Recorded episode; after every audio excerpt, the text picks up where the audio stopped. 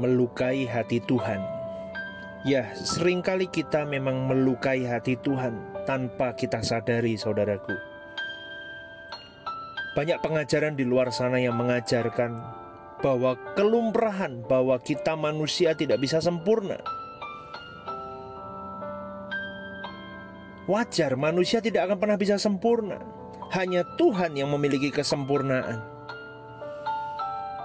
Ajaran-ajaran yang seperti itu yang mengakibatkan kita memiliki pola pikir permisif bahwa oh ya benar, hanya Tuhan kok yang bisa sempurna.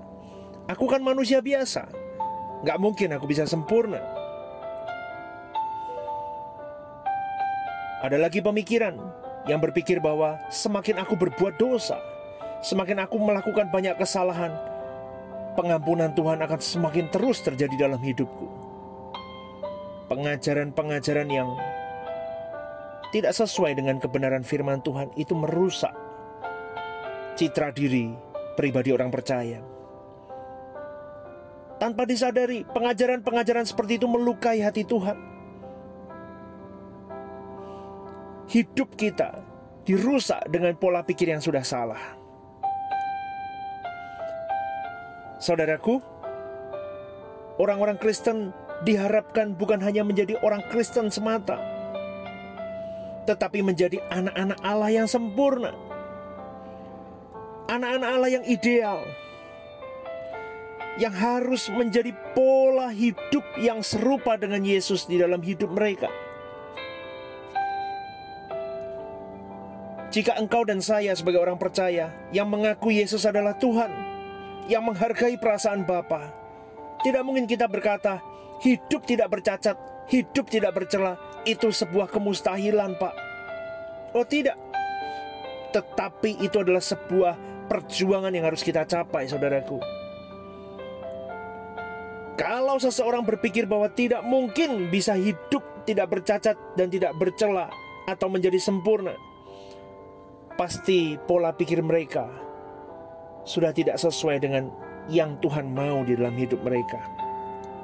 Saudaraku yang dikasih oleh Tuhan, orang percaya, engkau dan saya, kita wajib menjadi anak-anak anak-anak Allah yang ideal, yang harus jadi teladan dalam seluruh tingkah laku kita.